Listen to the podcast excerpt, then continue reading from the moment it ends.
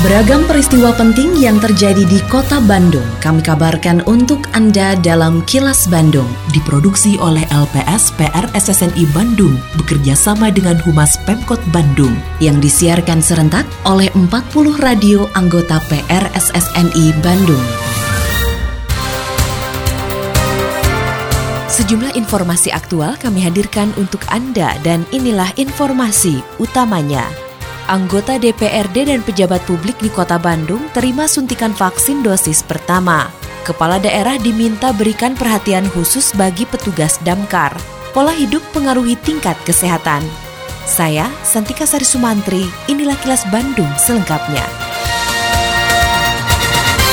Kalangan anggota DPRD Kota Bandung mulai mendapatkan penyuntikan vaksin COVID-19 dosis pertama bersama dengan sejumlah pejabat publik termasuk rektor perguruan tinggi. Pelaksanaan vaksinasi tersebut merupakan bagian dari vaksinasi tahap kedua yang berlangsung di Balai Kota Bandung pada Selasa pagi. Kepala Bidang Pencegahan dan Pengendalian Penyakit Dinas Kesehatan Kota Bandung, Rosya Arusdiani mengatakan, dari sejumlah peserta yang akan menjalani vaksinasi, ditemukan tiga orang yang tidak lolos screening. Penyebabnya antara lain kondisi kesehatan seperti tensi darah dan kadar gula darah yang melebihi ambang batas. Para calon penerima vaksin yang tidak lolos screening tersebut kemudian diminta memperbaiki kondisi kesehatannya untuk nanti dijadwal ulang pelaksanaan vaksinasinya. Tadi pun kita melakukan screening, ternyata bukan hanya masalah penyintas, tapi juga ada yang tensinya. Kemudian gula darah di atas 200 juga tidak lolos. Jadi minta untuk diperbaiki dulu kondisi kesehatannya, nah untuk nanti kemudian dijadwalkan kembali. Hari ini saya baru menemukan tidak tiga sampai barusan satu tensi di atas 200 tensinya.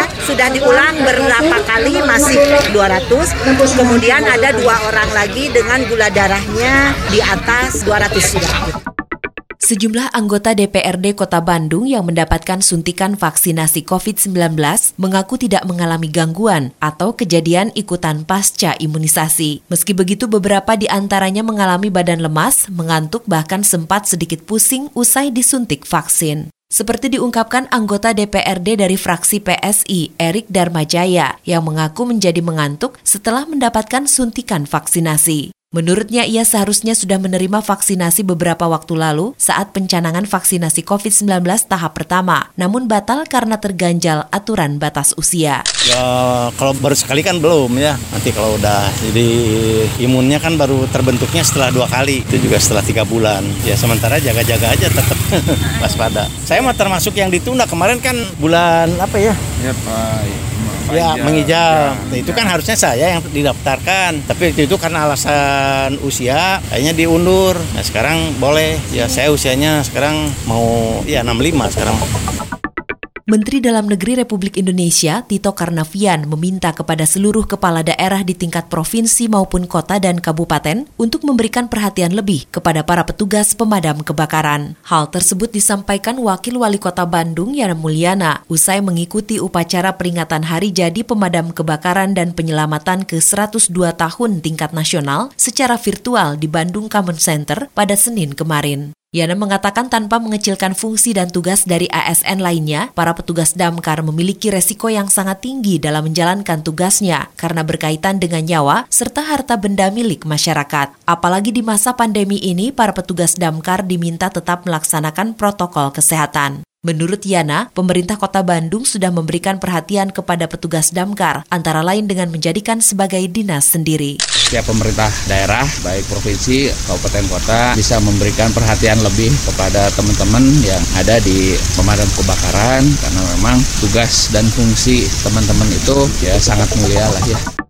Pola hidup yang berubah mempengaruhi tingkat kesehatan manusia. Hal itu terbukti dengan semakin meningkatnya penderita penyakit tidak menular seperti diabetes, hipertensi, dan jantung. Kepala Dinas Kesehatan Kota Bandung Ahyani Raksanegara mengatakan, pola hidup yang berdampak pada kesehatan tersebut antara lain akibat dari berkurangnya aktivitas fisik terutama pada rentang usia lansia. Kondisi ini juga menyebabkan tingkat kematian kalangan lanjut usia atau lansia yang terpapar COVID-19 menjadi tinggi karena penyakit penyerta tersebut. Sekarang makan-makan kita tanpa perlu ke mana-mana bisa datang. Ternyata itu berdampaknya adalah pada aktivitas fisik kita sudah menjadi berkurang. Semua bisa dengan duduk, semua kebutuhan kita datang. Dan ternyata jika tidak kita imbangi dengan perbaikan berbagai pola hidup kita, itu berdampak pada peningkatan kasus dari penyakit tidak menular. Jadi sebetulnya ada ataupun tidak ada COVID gitu ya,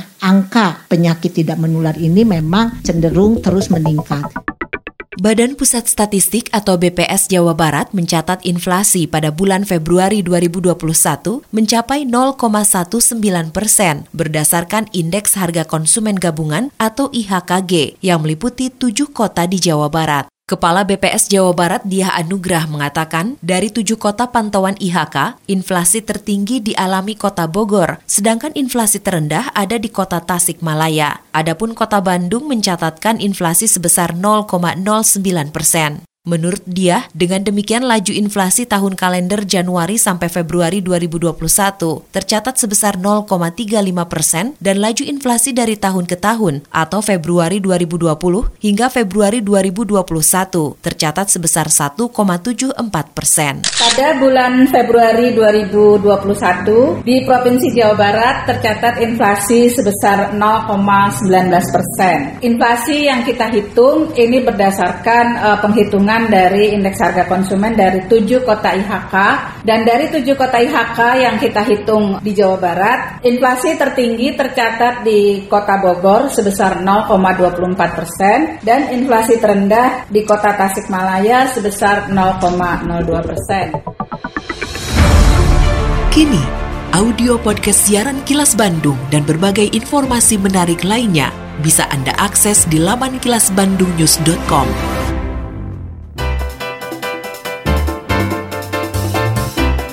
Berikut sejumlah agenda kerja para pejabat Pemkot Bandung Selasa 2 Maret 2021. Wakil Wali Kota Yana Mulyana menyaksikan vaksinasi COVID-19 tahap kedua secara massal untuk anggota DPRD Kota Bandung dan para pejabat di lingkungan pemerintah Kota Bandung. Sementara itu Sekretaris Daerah Emma Sumarna melakukan monitoring penanganan COVID-19 di Kecamatan Sukasari. Adapun Bandung menjawab di Taman Dewi Sartika Balai Kota Bandung menghadirkan narasumber dari Dinas Sosial dan Penanganan Kemiskinan Kota Bandung serta Dinas Pangan dan Pertanian Kota Bandung juga Dinas Perdagangan dan Perindustrian Kota Bandung. Selain agenda kerja para pejabat Pemkot Bandung, informasi dari Humas Kota Bandung, yaitu pemerintah Kota Bandung memastikan bakal menindak tegas setiap pembangunan yang melanggar aturan, terlebih jika melanggar tata ruang kota. Wali Kota Bandung Oded M. Daniel mencontohkan upaya pemerintah Kota Bandung terhadap pembangunan sebuah hotel pada tahun 2019 lalu. Bangunan tersebut telah melakukan tiga pelanggaran, yaitu pelanggaran tata ruang, dibangun tidak sesuai izin mendirikan bangunan atau IMB, dan dibangun tanpa izin. Atas dasar tersebut, pemerintah Kota Bandung melakukan tahapan konsultasi dan penyelesaian permasalahan bersama pemerintah pusat, provinsi, kota, hingga akhirnya sampai pada penerbitan IMB.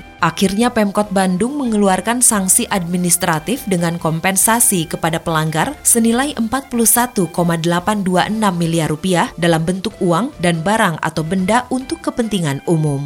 Demikian agenda kerja para pejabat Pemkot Bandung dan info aktual yang diterima redaksi LPSPR SSNI Bandung dari Humas Pemkot Bandung. Lindungi diri, keluarga, dan orang sekitar dari COVID-19 dengan selalu memakai masker, mencuci tangan dan menjaga jarak, serta menghindari kerumunan, juga mengurangi mobilitas. Patuhi protokol kesehatan di masa adaptasi kebiasaan baru untuk mencegah penularan virus corona.